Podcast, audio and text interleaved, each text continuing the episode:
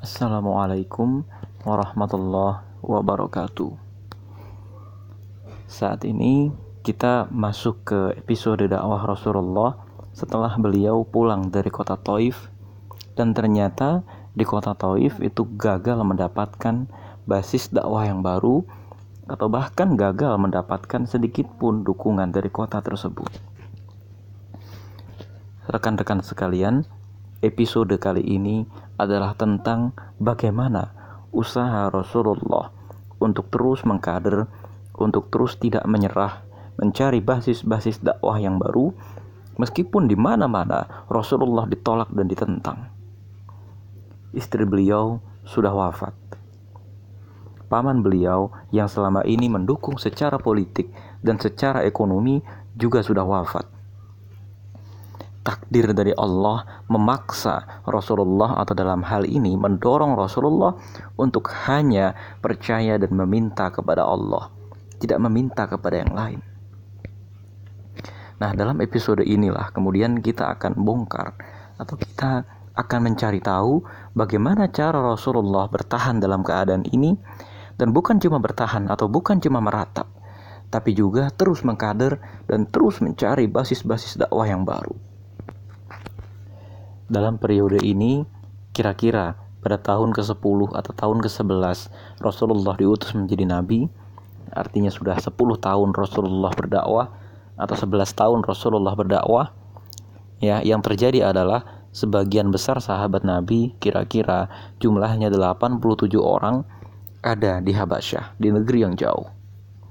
Sebagian lagi itu bertahan di kota Mekah.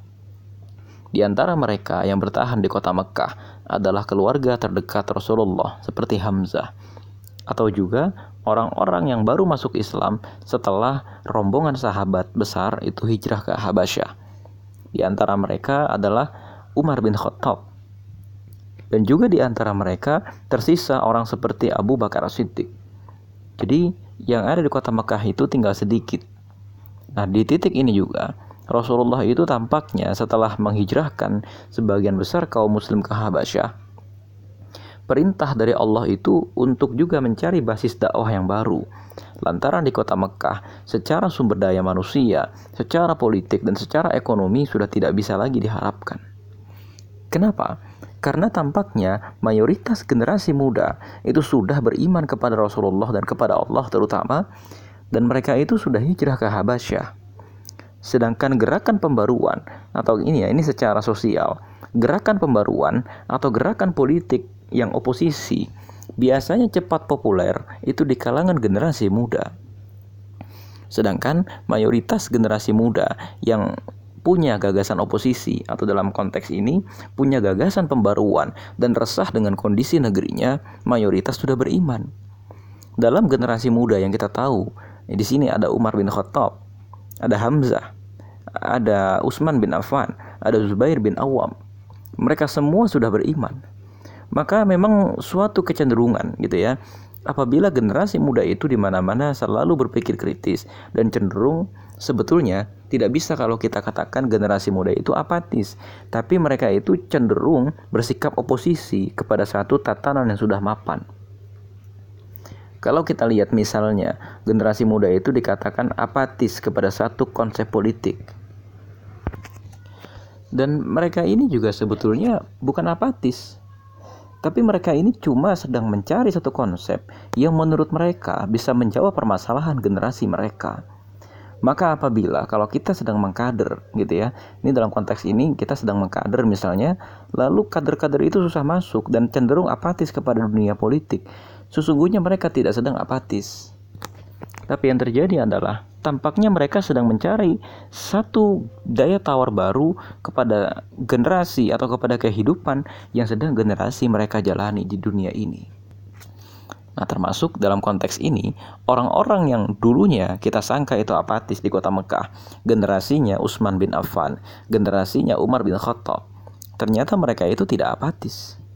Tinggal kita tawarkan dengan jelas satu ideologi baru, ya satu daya tawar kehidupan baru mereka akan berbondong-bondong masuk ke dalam agama Islam. Perkara ada penolakan dan lain-lain itu adalah sebuah sunatullah. Tapi memang di antara mereka akan tersisa sedikit orang yang sifatnya itu pragmatis. Nah, dalam hal ini ya, di masa jahiliyah ada orang-orang seperti Khalid bin Walid. Ada juga orang-orang seperti Amr bin As yang memang mereka dengan kecerdikan politiknya atau dengan kecerdikan militernya, memang mereka itu agaknya juga bersikap pragmatis mereka harus diyakinkan dulu dengan kemenangan-kemenangan politik dan kemenangan militer, baru kemudian bisa memeluk Islam atau baru mau bergabung ke dalam satu ideologi baru yang kita tawarkan. Nah, dalam titik inilah, maka generasi muda yang ada di kota Mekah itu mayoritas sudah memeluk Islam dan hijrah ke Habasyah. Maka yang tersisa tinggal generasi tua. Justru generasi tua itu rata-rata ini generasi yang susah untuk untuk apa namanya untuk bisa menerima kebenaran. Karena apa?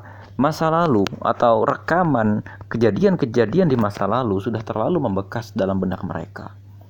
Sehingga datangnya Islam malah menjadikan mereka itu susah sekali menerima kebenaran coba kita lihat mayoritas generasi tua yang ada di kota Mekah sulit menerima Islam lantaran sikap pragmatisme mereka dan juga lantaran sikap keras kepala mereka lantaran justru mereka adalah bagian dari generasi yang sudah tua. Generasi yang menolak Islam itu mayoritas terdiri dari generasi ayah para sahabat Nabi. Ya kan? Di sini kalau mau kita lihat, Al-As bin Wail, ayah dari Amr bin As. Walid bin Mughirah, ayah dari Khalid bin Walid. Ya kan? Dan kemudian juga kita lihat ayah dari Abu Bakar As-Siddiq, Abu Kuhafah, ini juga masuk Islamnya agak terlambat. Generasi paman-paman Nabi, saudara-saudara Nabi yang terdiri dari generasi yang lebih tua, ini juga menolak Islam. Abu Lahab, ya, Abu Jahal, dari kalangan generasi yang lebih tua, ini juga menolak Islam. Maka ini yang kemudian mendasari tampaknya kalau dakwah dilanjutkan di negeri tersebut, maka keselamatan Rasulullah tidak akan terjamin yang ada ya Rasulullah tidak akan move on dari realita dakwah yang ada. Maka di sini terletak ketajaman Rasulullah ketika melihat analisis atau ketika melihat data-data sosial apa yang ada di kota Mekah. Sekitar 80-an atau kira-kira sekitar eh, mungkin sekitar 100 sampai 300 orang sudah masuk Islam di kota Mekah. Dan 300-an orang itu adalah populasi generasi muda yang ada di kota Mekah. Maka dalam hal ini gitu ya, kalaupun dakwah diteruskan, maka Rasulullah akan terus berkutat pada lubang perdebatan yang sama dengan generasi tua. Maka kemudian Rasulullah di sini tidak tinggal diam. Nah, makanya kepada teman-teman yang sekarang sedang menghadapi masalah pengkaderan serupa, coba mari kita diagnosis sesungguhnya masalah apa yang sedang terjadi di lingkungan pengkaderan kita. Apakah kita gagal mengidentifikasi kebutuhan apa yang sedang dihadapi oleh para mahasiswa baru? Atau kebutuhan apa yang sedang kita hadapi, yang sedang dihadapi oleh generasi baru yang muncul di sekeliling kita, baik itu di kampus, di masyarakat, ataupun di mana-mana. Rasulullah dengan ketajamannya itu memilih segmen generasi muda, yang mana generasi muda ini Rasulullah paham sekali, mereka itu paham politik mereka itu bukannya orang apatis, justru mereka menjadi apatis, tidak mau ikut-ikutan ke dunia politik lantaran mereka paham politik. Di antara mereka ada orang-orang yang pegiat usaha. Di antara mereka kalau bahasa sekarang itu adalah pegiat-pegiat startup. Bahkan menjadi orang-orang terkaya di kota Mekah, meskipun bukan yang paling kaya. Siapa saja Utsman bin Affan, Abu Bakar As-Siddiq, Zubair bin Awam, Abdurrahman bin Auf, Suhaib Ar-Rumi, mereka-mereka itu adalah orang-orang terkaya, pedagang-pedagang muda, tapi termasuk yang paling kaya. Kalau dalam bahasa kita sekarang, ini adalah unicorn atau pelaku startup muda. Dan mereka ini memeluk Islam, gitu loh. Di antara mereka juga ada generasi orang anak-anak muda yang menekuni keahlian-keahlian filsafat atau menekuni keahlian pengetahuan. Ya, di antara mereka yang menekuni keahlian pengetahuan itu adalah Umar bin Khattab ya adalah Umar bin Khattab. Di antara mereka yang juga menekuni keahlian pengetahuan semacam itu adalah Abu Bakar As-Siddiq, juga dikenal sebagai orang yang memahami budaya pada saat itu. Artinya Rasulullah itu dakwanya menjangkau semua kalangan, tidak hanya anak muda yang menekuni dunia startup, tidak hanya anak muda yang menekuni dunia pengetahuan yang terlalu serius, tidak hanya menekuni atau tidak hanya kepada pemuda-pemuda yang mungkin apatis dari politik dan lain-lain, atau tidak hanya kepada pemuda-pemuda kalangan marginal. Di antara pemuda kalangan marginal itu Bilal bin Rabah, Ammar bin Yasir, uh, Abdullah bin Mas'ud, dan lain-lain.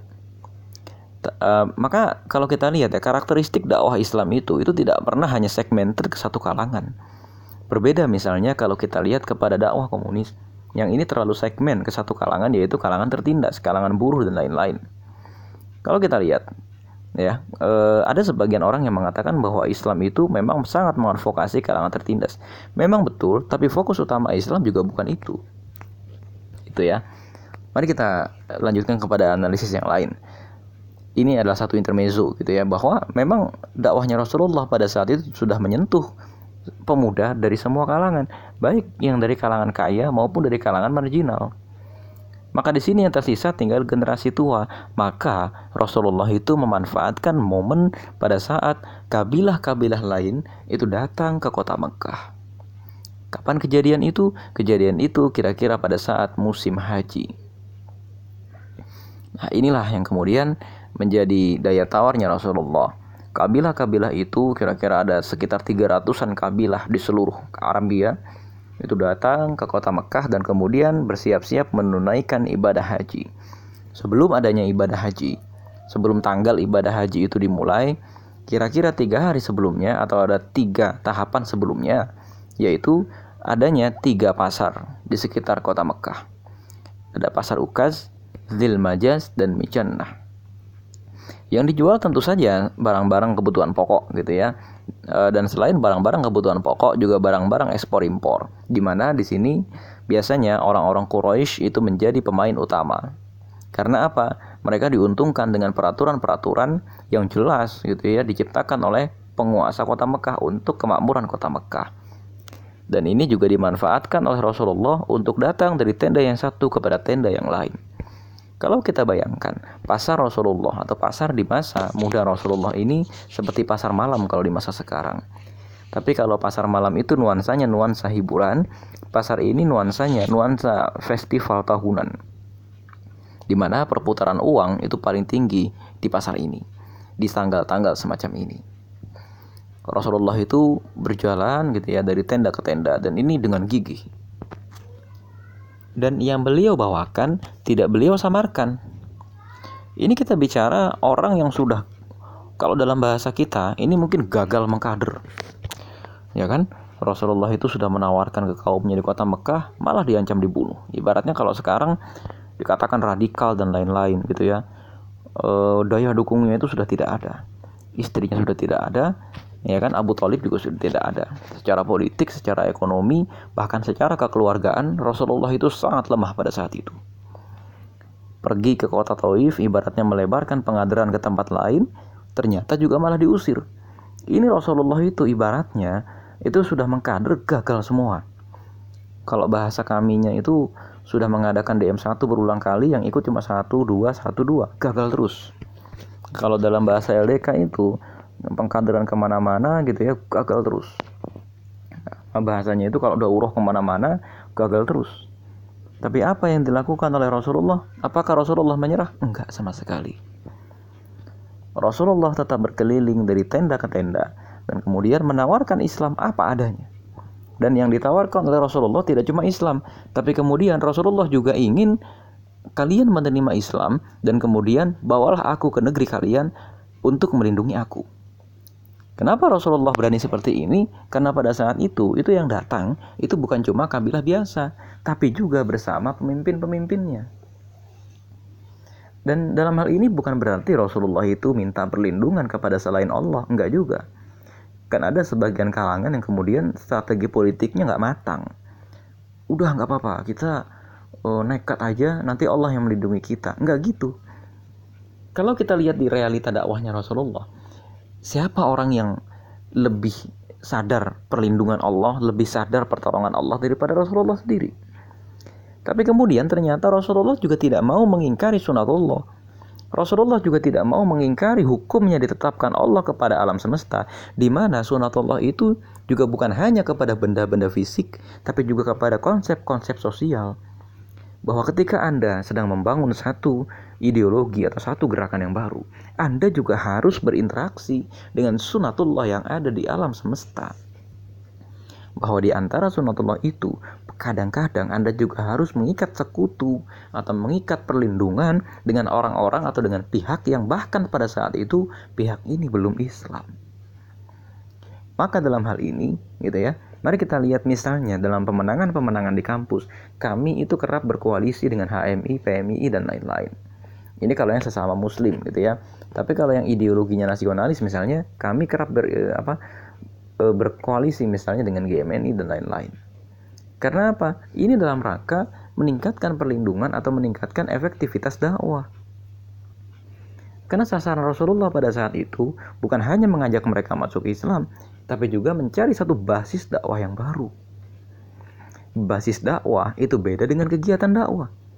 Kalau kegiatan dakwah kita ngajak orang kepada satu kebaikan, yuk kita likok misalnya, atau yuk kita membina apa, atau yuk kita misalnya bikin kampung binaan. Tapi kalau basis dakwah, ini ekosistem dakwah. Ekosistem dakwah itu apa? Tempat, ya kan? Biaya, personalia, perlindungan militer, ada perlindungan politik, ada perlindungan sosial, perlindungan budaya, dan lain-lain yang ini kompleks. Makanya kalau orang berdakwah itu nggak bisa cuma modal nekat. Orang berdakwah itu itu harus dia mengenal medan. Dan pengenalan medan semacam ini, kalau dulu Rasulullah itu dibimbing oleh wahyu, kalau kita sekarang dibimbing oleh musyawarah dan dibimbing oleh data-data penelitian yang mumpuni.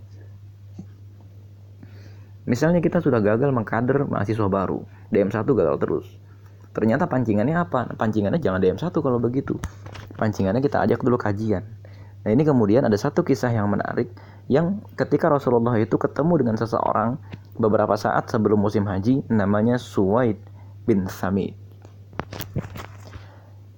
tapi sebelum kita masuk kepada kisah Suwaid bin Samit ini kita harus paham dulu satu hal ini ya bahwa Rasulullah itu adalah orang yang tidak pernah menyerah Meskipun beliau itu kalau dalam bahasa kita sudah berpuluh-puluh kali mengajak orang ke dalam Islam, gagal terus.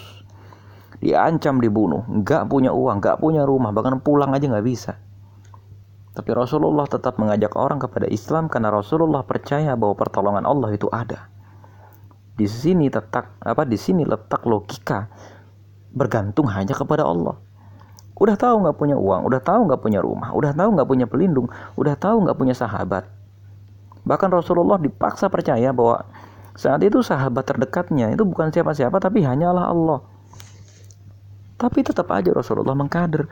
Cuma dalam titik ini baru kemudian Rasulullah itu diajak berinteraksi dengan sunatullah. Iya, engkau memang e, berdakwah kepada Allah. Iya, engkau memang sadar bahwa Allah itu adalah satu-satunya penolongmu. Tapi ada sunatullah yang harus kau penuhi. Nah, maka kemudian di sini ada satu kisah yang menarik. Eh, mengenai metode dakwah ketika semua metode dakwah itu sudah gagal dengan ketenangan hatinya Rasulullah itu bertemu dengan seorang penyair besar yang dijuluki sebagai yang sempurna atau sang sempurna sang terbaik. Namanya Suwaid bin Somit. Gelarnya adalah Al-Kamil Suwaid Al-Kamil. Beliau ini adalah seorang penyair. Yang mana namanya penyair ini kan pasti mewakili kalangan budayawan. Dan dia ini juga bangsawan. Jadi budayawan bangsawan. Hebat lah pokoknya dan dia ini sangat menggemari atau punya karya yaitu hikmah-hikmah Lukman jadi kita tahu ya kota jadi Suwaid ini asalnya dari kota Madinah kota Yastrib. Dan di kota Yastrib pada saat itu itu ada komunitas Yahudi dan bahkan mayoritas penduduk Yastrib itu memang orang Yahudi. Artinya persentuhan mereka dengan budaya Bani Israel itu ada. Dan salah satu bentuk persentuhan mereka dengan budaya Bani Israel adalah adanya kisah Lukman ini. Karena Lukman itu juga bukan orang Arab, apalagi orang Mekah, apalagi orang Madinah, yaitu tapi dia ini adalah salah seorang Bani Israel yang katanya itu menjadi hakim agung pada masa kerajaan Nabi Daud. Mari kita lihat di sini gitu ya. Al-Quran dengan segala keindahannya itu ternyata mampu menaklukkan para penyair. Dan Rasulullah mengerti Rasulullah kemudian menawarkan Islam kepada Suwaid. Lalu Suwaid menjawab, "Kau datang kepada kami dengan membawa apa?" Artinya, ya udah tawaranmu apa? Akhirnya uh, Rasulullah menjawab kami punya Al-Quran. Gitu loh. Saat itu Suwaid sudah dikenal orang itu punya yang namanya hikmah-hikmah uh, Lukman tadi. Nah sampai di sini kemudian diadu. Suwaid membacakan hikmah Lukman yang kemudian Lukman ini kisah Lukman ini saat itu ditulis ulang oleh Suwaid tadi tapi ternyata gitu ya dalam Al-Quran ternyata kisah Lukman ini ada dalam surat Lukman dan fokus dalam surat Luqman ini gitu ya, atau fokus dalam kisah Luqman ini adalah kisah parenting dan kisah nasihat-nasihat seorang bapak kepada anaknya. Ternyata ketika diadu jauh lebih indah Al-Quran, jauh lebih kena nih Al-Quran. Kita nggak tahu ya apa yang ditulis oleh Suwaid, apa yang dibicarakan oleh Suwaid kepada Rasulullah. Tapi kemudian yang jelas ketika Rasulullah membacakan surat Luqman ini, habislah Suwaid. Nggak punya dia argumen maka di titik ini penting bagi kita untuk mengenal siapa yang akan kita ajak ke dalam dakwah ini. Gak mungkin ada orang yang gak suka politik, terus kemudian kita ngajak ngomongnya soal politik. Coba kita lihat Suwaid. Kenapa Rasulullah memilih ya surat Luqman daripada Rasulullah itu membacakan surat-surat politik, misalnya surat surat Toha. Surat Toha itu kan intinya apa? Perlawanan Musa kepada Firaun Kenapa Rasulullah tidak memilih menceritakan kisah-kisah yang lain seperti misalnya dalam surat Al-Qamar tentang azab atau dalam surat Al-Qalam ini tentang kebaikan-kebaikan atau kenapa Rasulullah tidak memilih misalnya menceritakan surat Al-Furqan kepada Suwaid di mana surat Al-Furqan ini isinya kan tentang antara yang hak dengan yang batil perbedaannya tegas. Di sinilah terletak. Jadi cara mengajak orang itu memang beragam. Kepada orang politik ya ajak secara politik. Kepada orang ekonomi misalnya cara ngajaknya juga soal ekonomi. Contoh ayat-ayat yang turun kepada Abu Bakar Siddiq ini isinya tentang letak tanggung jawab orang kaya kepada orang miskin yaitu surat Al-Lail. Kepada orang-orang seperti Umar bin Khattab yang ada yaitu surat Toha isinya apa? Menegaskan kebenaran Al-Quran yang mana Umar bin Khattab itu punya satu pandangan tersendiri kepada struktur sosial yang ada di kota Mekah dan lain-lain. Dan kepada Suwaid, kalau Suwaid ini lettingannya adalah kisah-kisah hikmah, dia ini seorang sastrawan, maka yang turun ya juga dengan pendekatan kisah kepada Suwaid ini. Pembawaannya itu pembawaan kisah. Kepada maba misalnya kan, yang kita tahu jadi maba ini kita sisir dulu orang ini kira-kira ke mana arahnya maka kita nanti bisa membawakan narasi yang tepat gitu loh. Misalnya kita menawarkan kami bukan cuma kami yang sifatnya itu aksi terus politik terus tapi juga kami yang misalnya kalau kepada orang yang merindukan kebenaran orang yang merindukan ketenangan dalam beribadah kita tawarkan sosok pribadi kita sebagai pribadi yang gemar sekali beribadah. Dan ketika mendekat kepada jamaah kita itu yang ada adalah ketenangan. Kan gitu maka tapi ya kita nggak bisa bersikap seperti ini kalau kita kehilangan ketenangan itu yang jadi masalah. Rasulullah sudah diusir dan lain-lain, tapi Rasulullah tidak kehilangan ketenangan. Bahkan Rasulullah mampu, masih mampu berpikir dengan bijak ketika ketemu dengan Suwaid, dia tidak membabi buta. Ya, jadi dari peristiwa ini, gitu ya, dari peristiwa yang terjadi kira-kira setelah hijrah ke Taif dan awal sekali persinggungan Rasulullah dengan orang Madinah. Ini kan Suwaid ini orang Madinah Rasulullah itu memilih-milih. Target dakwahnya itu apa? Tetap Rasulullah itu agak menggeser sedikit tujuannya. Tidak hanya mengajak mereka masuk Islam tapi juga membangun basis dakwah yang baru. Di sinilah kecerdikan Rasulullah. Assalamualaikum warahmatullahi wabarakatuh